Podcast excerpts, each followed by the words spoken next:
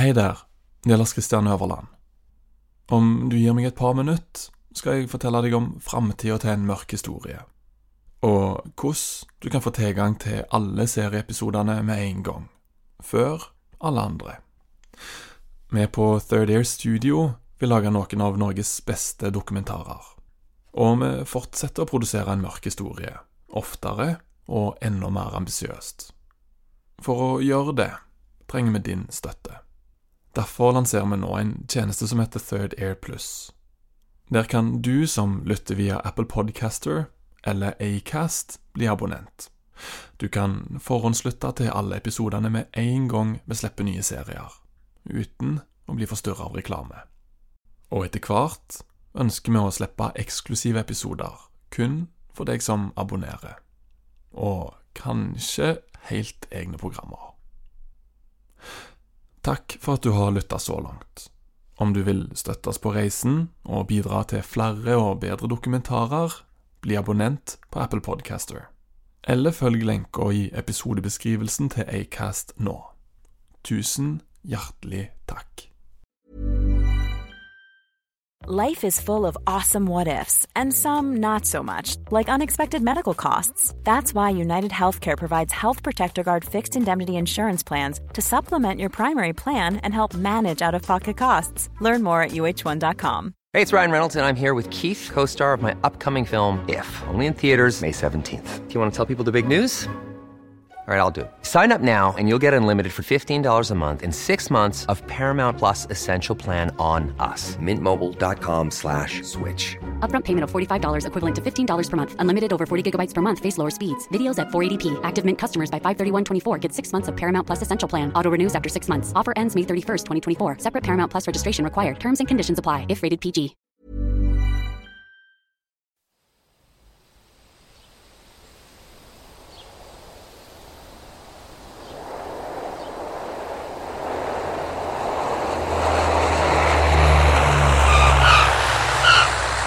Fredag kveld 6. mai 1988 på Namsos lufthavn.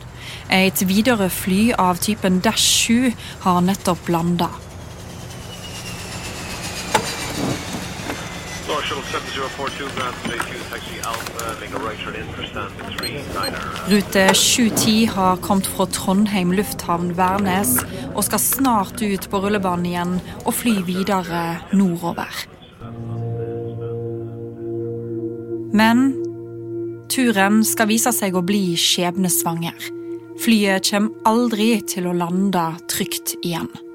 Jeg innrømmer at det sto stille i fem sekunder, kanskje. Jeg vet ikke, for Da kjente jeg det at nakkhårene de, de krølla seg. liksom, Det var noe som skjedde baki der. Og Da jeg kom inn der, så kunne hun fortelle meg at eh, det nettopp vært en nyhetssending på TV-en at det var et fly som var savna.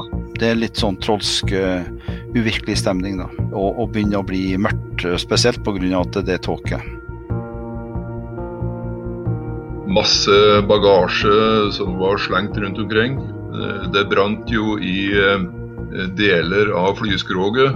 Da gikk jeg ut på altanen. Jeg kunne jo ikke se noe, men jeg følte at nå er han i hvert fall nede. Han var bare ikke nede på rett plass.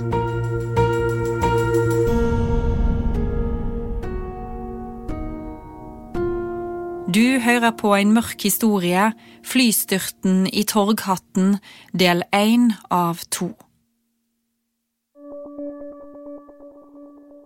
Widerøes rute 710 mellom Trondheim og Bodø har flere planlagte mellomlandinger på veien denne kvelden. Etter første stopp Namsos skal flyet videre til Brønnøysund, Sandnessjøen og Bodø. På flyplassen i Namsos går flere passasjerer av medan andre kommer på. Mange skal i konfirmasjoner denne maihelga. Andre er på vei hjem fra jobb. En av dem er Arnfinn Husø. Opprinnelig så, så skulle han vel være her halv syv. Hjemme i huset deres i Sandnessjøen venter kona Randi Husø spent på å se han igjen etter 14 dager. Først var helikopteret det var forsinka, så var det ene flyet forsinka. Det er fredag kveld, og det som skal være ei hyggelig familiehelg, vil om kort tid ende i total katastrofe. Og det er for en hel nasjon. I flytårnet på Brønnøysund lufthavn denne kvelden sitter Bjarne Ormøy. I 1988, da vi jobba i flytårnet her i Brønnøysund som daglig leder av lufttrafikktjenesten. Nei, altså arbeidsdagen var som vanlig, den. Det var ikke noe spesielt. Han har begynt på vakt klokka 14 og er alene i tårnet denne fredagen. Flyet han venter sørfra, fra Namsos, er allerede kraftig forsinka når det forlater Trondheim. Men det, det, aktuelle flyet der, det hadde tekniske problemer. Det skulle være her mye tidligere på, på kvelden opprinnelig, eller på ettermiddagen. Men så fikk de problemer med landingshjulene, så de ikke fikk dra det inn. Så da sto de og, og venta på tekniker som kom dit og fiksa det. Så de kunne, derfor så ble de en, ja, en par timer forsinka i, i henhold til oppsatt rutetid. I tillegg til de tre besetningsmedlemmene, piloten, styrmannen og flyvertinna, er det 33 passasjerer om bord. De sitter fastspente i flysetene på Widerøe-flyet, klare for avgang. Arnfinn gleder seg til endelig å komme hjem. Han har vært i Nordsjøen. Han jobber på Ekofisk. Det forteller kona Randi. Han jobber som elektriker på ei oljeplattform på Ekofiskfeltet i Nordsjøen, og har vært ute i to uker. Så kom han til Trondheim, og så ringte han og sa at han var forsinka igjen. For han visste at jeg var, jeg var ikke trygg med å fly, så han ringte hele tida når han var forsinka. Så jeg var klar over hvor, hvor, han var. Og han var så lykkelig for det at det var siste gangen han skulle ta det der flyet. Han skulle begynne å ta tog, for det var bestandig så mye tull med videre.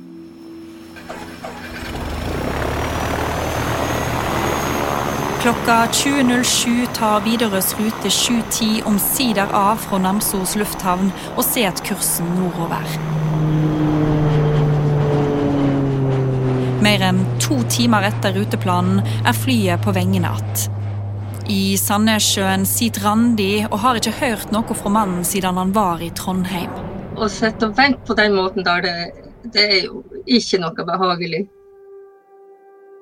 For man får jo mange merkelige tanker. Samtidig som jeg sitter og gleder seg veldig til at han skal komme. Det er korte avstander mellom stoppa på flyruta på Helgelandskysten.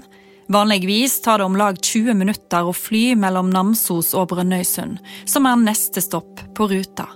Strekninga skal være enkel å navigere, for det er ganske flatt akkurat her ute ved kysten, med ett unntak. I Brønnøysund er Bjarne opptatt med å dirigere flytrafikken i området.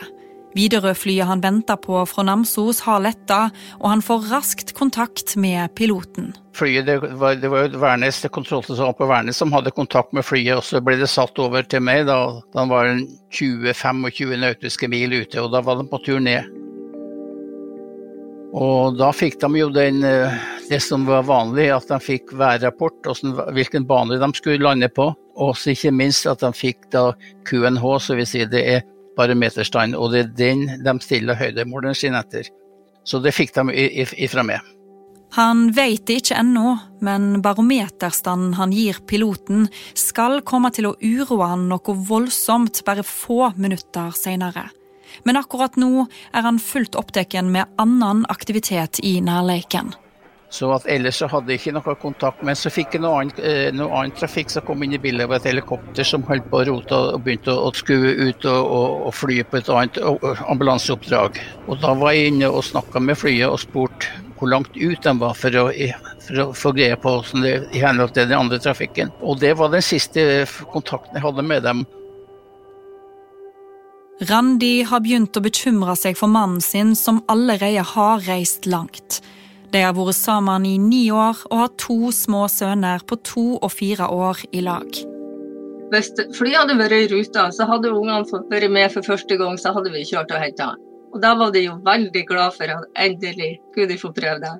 Når jeg forsto at klokka ble seint, for vi hadde jo legetid i den tida, så var det bedre at de fikk gå i seng og sa at de var i fin form om morgenen og lykkelige over å se han.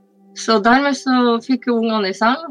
Kom han hvit løgn og sa han kom med toget neste morgen. Det gjorde han jo.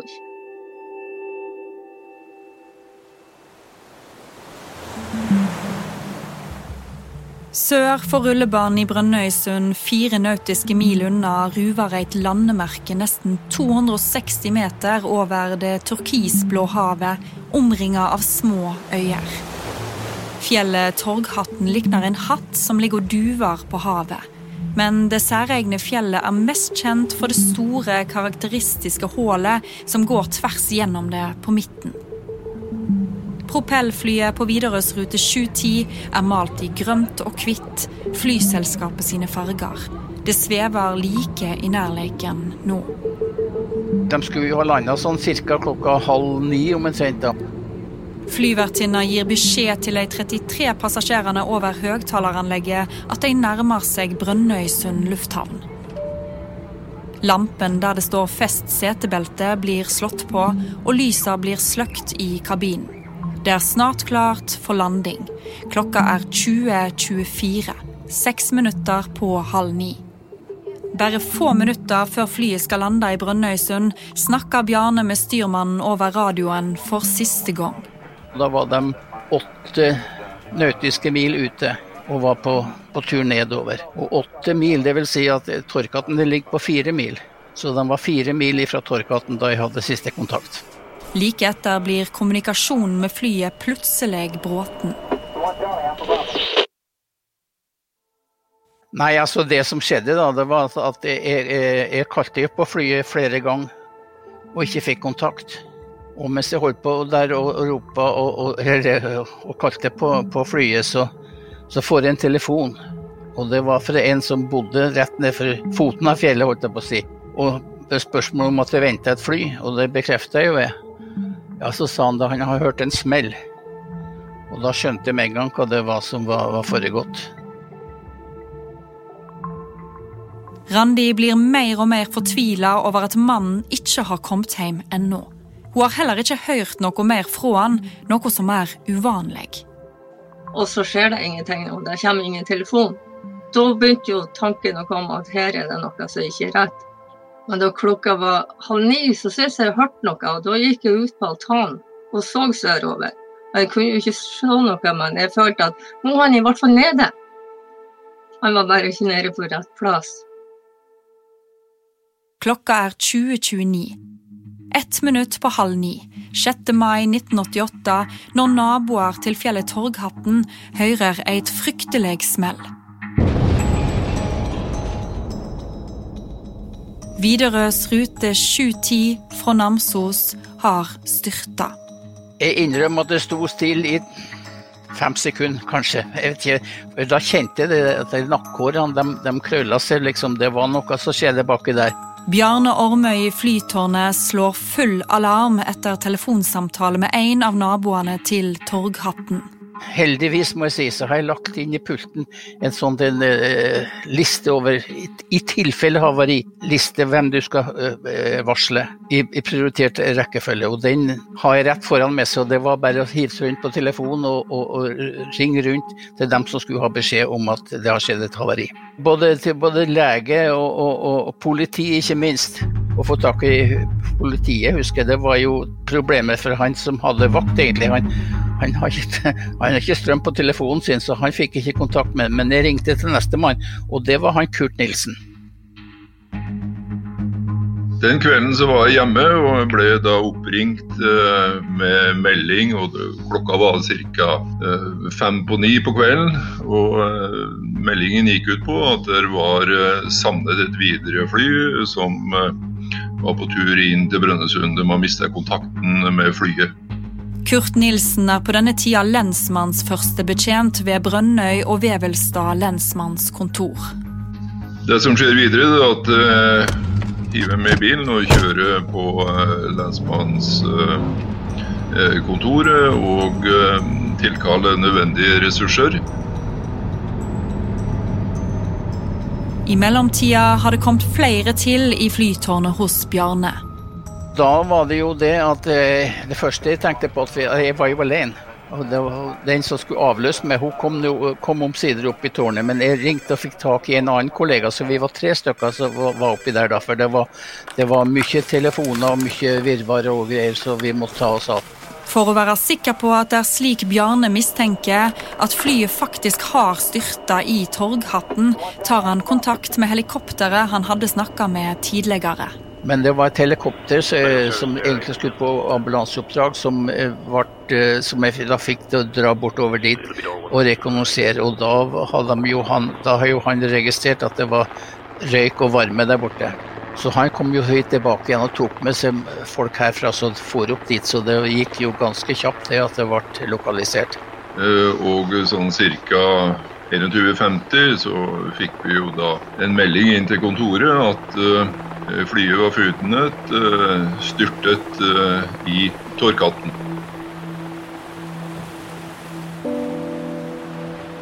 Som skadestadsleder jobber lensmannsførstebetjent Kurt Nilsen videre med å koordinere arbeidet, og ikke minst få tak i folk som kan hjelpe til. Før han drar ut til Torghatten sjøl, tilkaller han mannskap og frivillige fra bl.a. Røde Kors, Sivilforsvaret og Heimevernet. Jeg var da lærer på videregående skole, eh, og eh, var da heimevernssoldat. Og vi hadde akkurat vært på øvelse sånn at vi drev og pakka ned eh, utstyret eh, den fredagskvelden. Og så fikk vi da en fikk vi telefon. Magnar Solbakk er en av de som blir bedt om å stille opp denne kvelden. Eh, beskjeden var ikke noe flystyrt, men eh, beskjeden var eh, et fly var, en Widerøe-fly var savna. Det første jeg gjorde, det var å ringe hjem til foreldrene mine for å sjekke om faren min var ute på flyreise. Han var ordfører og var ofte på reise, men jeg fikk bekrefta at han var på et møte på hotellet. Så da kasta kasta jeg på meg klærne som delvis hang til tørk og ikke var pakka ned, eh, og kommet til eh, flyplassen eh, der vi hadde Heimevernshuset. da. Fremdeles er de usikre på hva som egentlig har skjedd der ute. Vi vet bare at det er et fly som er, et videre fly som er savna. Vi vet ikke at det har vært en flystyrt. Så vi så for oss at det var en leteaksjon, det kunne være en nødlanding. Det var det vi så for oss. Det som skjer videre, det er jo at når jeg har fått oppdraget å være skadestesleder, så hadde jeg jo allerede samla en del ressurser, bl.a. Eh, kolleger. Life is full of what ifs. Some awesome, like what if AI could fold your laundry? And some, well, less awesome, like what if you have unexpected medical costs? United Healthcare can help get you covered with Health Protector Guard fixed indemnity insurance plans they supplement your primary plan to help you manage out of pocket costs. No deductibles, no enrollment periods, and especially no more what ifs. Visit uh1.com to find the Health Protector Guard plan for you. It's that time of the year. Your vacation is coming up. You can already hear the beach waves, feel the warm breeze, relax, and think about work. You really, really want it all to work out while you're away. Monday.com gives you and the team that peace of mind. When all work is on one platform and everyone's in sync, things just flow wherever you are. Tap the banner to go to Monday.com. There's never been a faster or easier way to start your weight loss journey than with PlushCare. PlushCare accepts most insurance plans and gives you online access to board certified physicians who can prescribe FDA approved weight loss medications like Wigovi and Zepbound for those who qualify Take charge of your health and speak with a board certified physician about a weight loss plan that's right for you. Get started today at plushcare.com slash weight loss. That's plushcare.com slash weight loss. Plushcare.com slash weight loss. Hey, it's Ryan Reynolds, and I'm here with Keith, co star of my upcoming film, If, only in theaters, May 17th. Do you want to tell people the big news? All right, I'll do it. Sign up now and you'll get unlimited for $15 a month in six months of Paramount Plus Essential Plan on us. Mintmobile.com slash switch. Upfront payment of $45 equivalent to $15 per month. Unlimited over 40 gigabytes per month. Face lower speeds. Videos at 480p. Active Mint customers by 531.24 get six months of Paramount Plus Essential Plan. Auto renews after six months. Offer ends May 31st, 2024. Separate Paramount Plus registration required. Terms and conditions apply if rated PG. Og eh, likeså folk fra Røde Kors. Eh, en del av de personellet personelle tok med i bilen på tur ut til Torkatten. På den turen så bestemte hvor eh, samleplass for skadde, samleplass for døde skulle være, og satte ut folk etter hvert som vi nærma oss eh, skadestedet. Omtrent samtidig som Kurt kommer fram til ulykkesstedet, bestemmer Randi i Sandnessjøen seg for å prøve å finne ut av hvor mannen hennes kan være. Men jeg, jeg så jo at etter hvert så klokka ble både åtte, halv ni og ni og halv ti at her var noe gærent. Så til syvende og sist var jeg bare nødt til å ringe til, til flyplassen. Men hvorfor ikke de ringte meg, eller hvorfor ingen kontakta meg, det vet jeg ikke. Og det var vel fordi at jeg satt hjemme og ikke, ikke var der ute for å ta imot. Så jeg fikk svar ganske fort av en trivelig mann. Og det han sa, var at nei, det flyet det er dessverre meldt savna. Og da ble jo jeg helt stiv. Og så sa jeg hva du sier, er du klar over at mannen min er med der? Og så ble jeg hysterisk. Og jeg prøvde å, å ringe til min far, men han var ikke hjemme. Så, så, jeg ringte til en av naboene som kom over. Og da var jeg fortsatt hysterisk. Og da sa hun nå må du roe deg ned, for ellers så, så vekker du ungene, og da blir det helt gærent. Og da går man jo inn i en sånn modus der man tenker på alt, alle andre, og på å holde seg i ro. Lokale journalister har rukket å ta seg fram til Torghatten, og straks har rapporter om flyulykka nådd radioapparat og TV-skjermer over hele landet.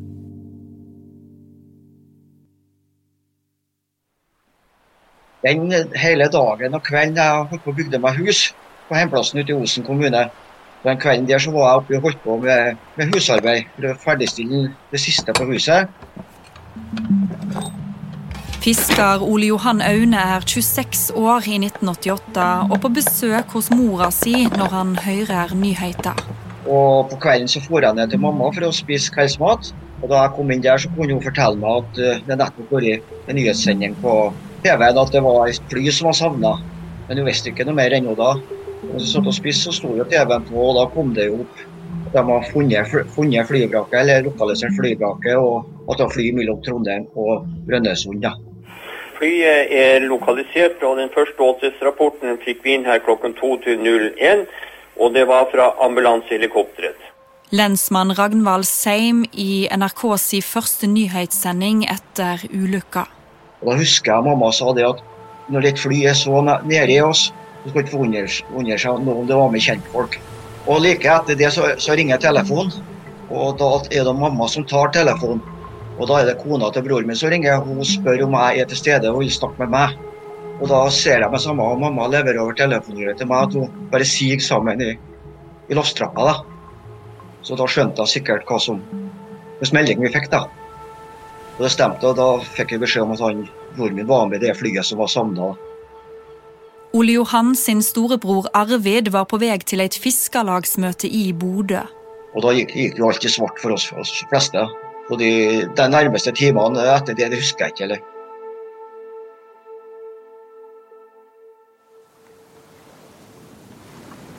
Mørket har begynt å senke seg over landskapet nå, og det skjer et uventa væromslag denne kvelden. Det, det, det, var jo som sagt eh, dårlig vær, og vi ser det stratus, de lave tåkeskyene, de har senka seg nedover over Torghatten sjøve. Så vi så jo bare en, en halvparten av fjellet omtrent. På ulykkesstedet er det nå full aktivitet, men redningsmannskapet har vanskelige forhold. Skadestadsleder Kurt prøver å nå fram til det havarerte flyet. Tok meg jo da opp uh, fjellsida til selve åstedet. Det var jo veldig dårlig vær i den forstand at det var tett tåke, yr, uh, regn, veldig dårlig sikt. Åsted var veldig krevende fjellparti. Heimevernssoldat Magnar har også kommet fram til vestsida av Torghatten. Det er litt sånn trolsk, uvirkelig stemning, da. Og, og begynner å bli mørkt, spesielt pga. at det er tåke. Men så oppfatter jeg at noen av naboene der ute attmed Torghatten hadde hørt smellet fra flystyrtet Eh, og det var på en måte eh, gjorde at det ikke ble noe spesielt leteaksjon, men at den gikk eh, relativt rett på flystyrtet. Når man kom inn på selve åstedet, ulykkesstedet, eh, så ble det enda mer krevende. Eh, Selve ulykkesstedet ligger jo i eh, nedre del av et flom, altså i en ur. Eh, Mye stein, eh, meget vanskelig terreng eh, å drive både søk og jobbe med å få ut eh, de omkomne. Eh, Det var tett tåke. Jeg så jo ikke på det tidspunktet når jeg kom opp at hvor flyet hadde gått inn. Ja, det lukta jo veldig mye fuel, altså drivstoff fra flyet. Det brant jo i deler av flyskroget. Masse bagasje som var slengt rundt omkring.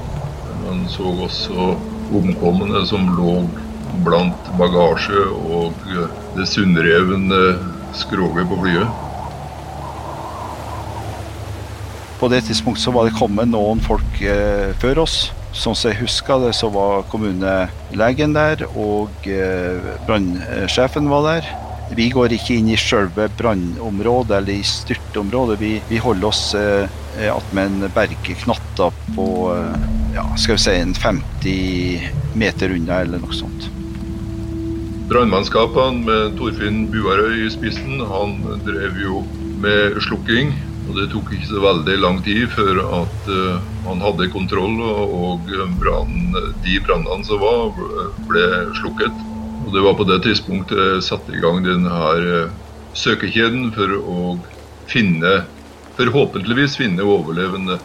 Kurt samler personene som har møtt opp til tjeneste, og forbereder dem på hva som venter dem når de nå skal inn i ulykkesområdet for å lete etter tegn til overlevende. Før den kjeden ble satt i jobb, så fikk de beskjed om at det her kom til å bli en meget utfordrende oppgave. De kom til å se eh, ting som eh, de kanskje ikke takla, så de fikk eh, valget. De som trodde de ikke klarte å være med på Grovsøkøya, de fikk gå til side, og de ville komme til å få andre oppgaver. Det er jo litt viktig å ikke utsette folk for større belastning eller røks nødvendig. Så ble de satt inn i, i jobb på åstedet.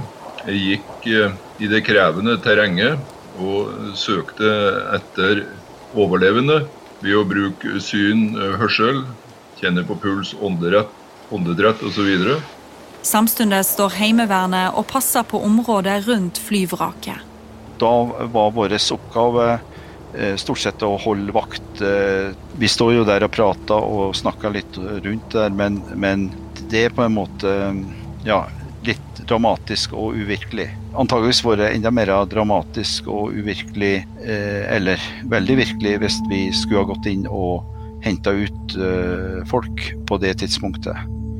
Da finsøkkjeden eh, har gjort jobben sin og kom tilbake, så ble det ca. klokken halv tolv på kvelden konstatert og konkludert med at ingen hadde overlevd eh, flystyrten.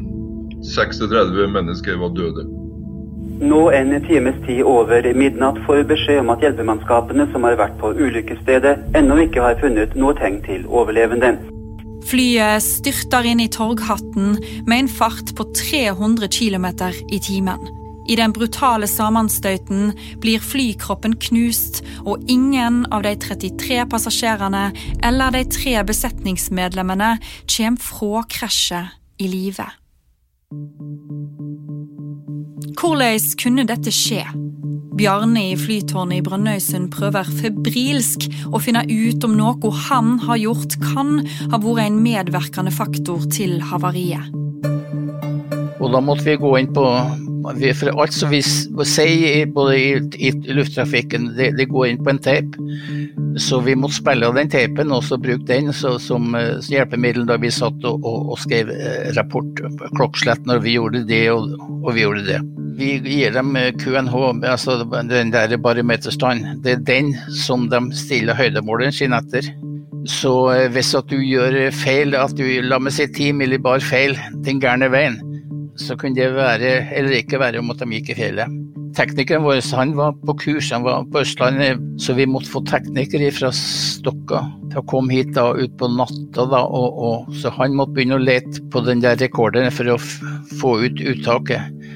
Så det var ikke før klokka var vel ja, ett-to, kan jeg tenke meg til om natta, at, at vi fikk klart at QNH-en den gangen det var 1022 millibar. Så når jeg hørte min egen stemme som sa QNH 1022, da datt en bør av mine skuldre iallfall. For da var jeg klar over at jeg har ikke gjort noe gærent.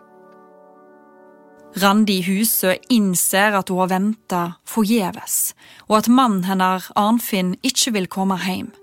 Klokka fem om morgenen kommer presten på døra. Da, da, jeg husker at da sprang jeg på badet da jeg så at han kom gående. For jeg hadde ikke lyst til å snakke med han. Så kom jeg ut av badet igjen. Og da kom han akkurat opp trappa, og da svikta beina mine. Neste dag må hun fortelle ungene at pappaen deres aldri kommer igjen.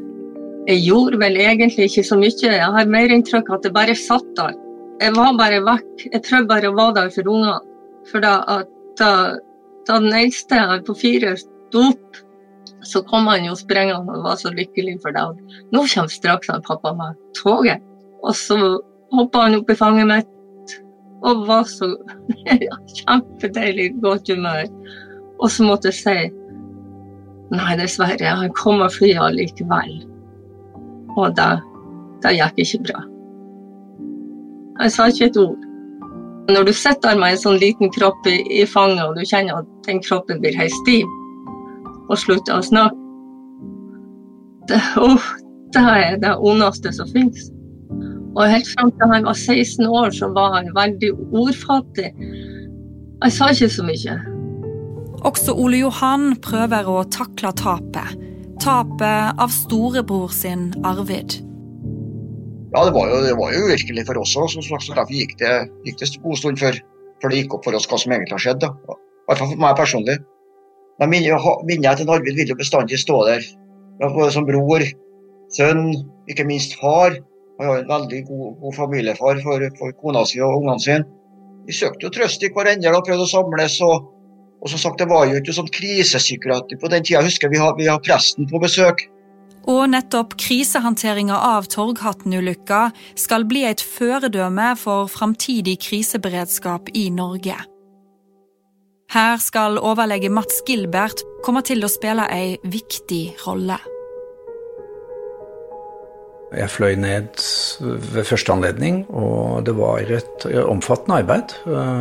Alle de 36 etterlatte familiene måtte jo kartlegges.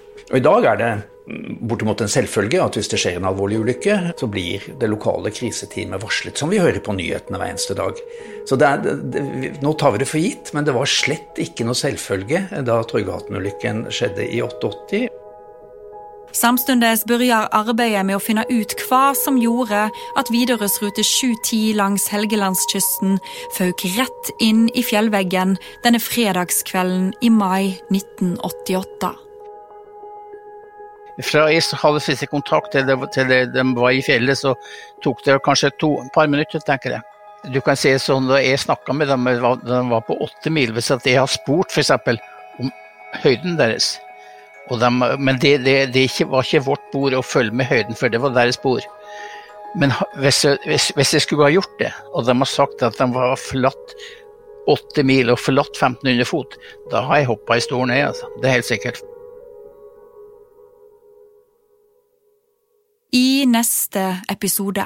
Jeg forstår fortsatt ikke hvordan det er mulig å treffe den der lille vorta eh, Unnskyld, jeg kaller det ikke et fjell. For det er jo åpent hele veien rundt. Så det skulle nesten være teknisk umulig å, å, treffe det der. Så er det jo en nesten desperat jakt på informasjon om hva som virkelig har skjedd. Sannheten, i den grad den finnes. Det var kartlagt at det var med to mobiltelefoner om bord i flyet.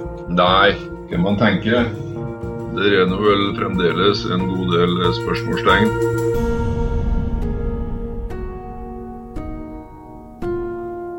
Du har hørt på En mørk historie, flystyrten i Torghatten, del én av to. Produsert av Marte Rommetveit og Linn Helene Løken ved Munch Studios. Lydlegging Gustav Sondén. Ansvarlige produsenter er Carl Fridsjø og Joel Silberstein Hont ved Just Stories. Planning for your next trip? Elevate your travel style with Quince. Quince has all the jet setting essentials you'll want for your next getaway, like European linen, premium luggage options, buttery soft Italian leather bags, and so much more. And is all priced at 50 to 80% less than similar brands. Plus, Quince only works with factories that use safe and ethical manufacturing practices. Pack your bags with high-quality essentials you'll be wearing for vacations to come with Quince. Go to quince.com/pack for free shipping and 365-day returns.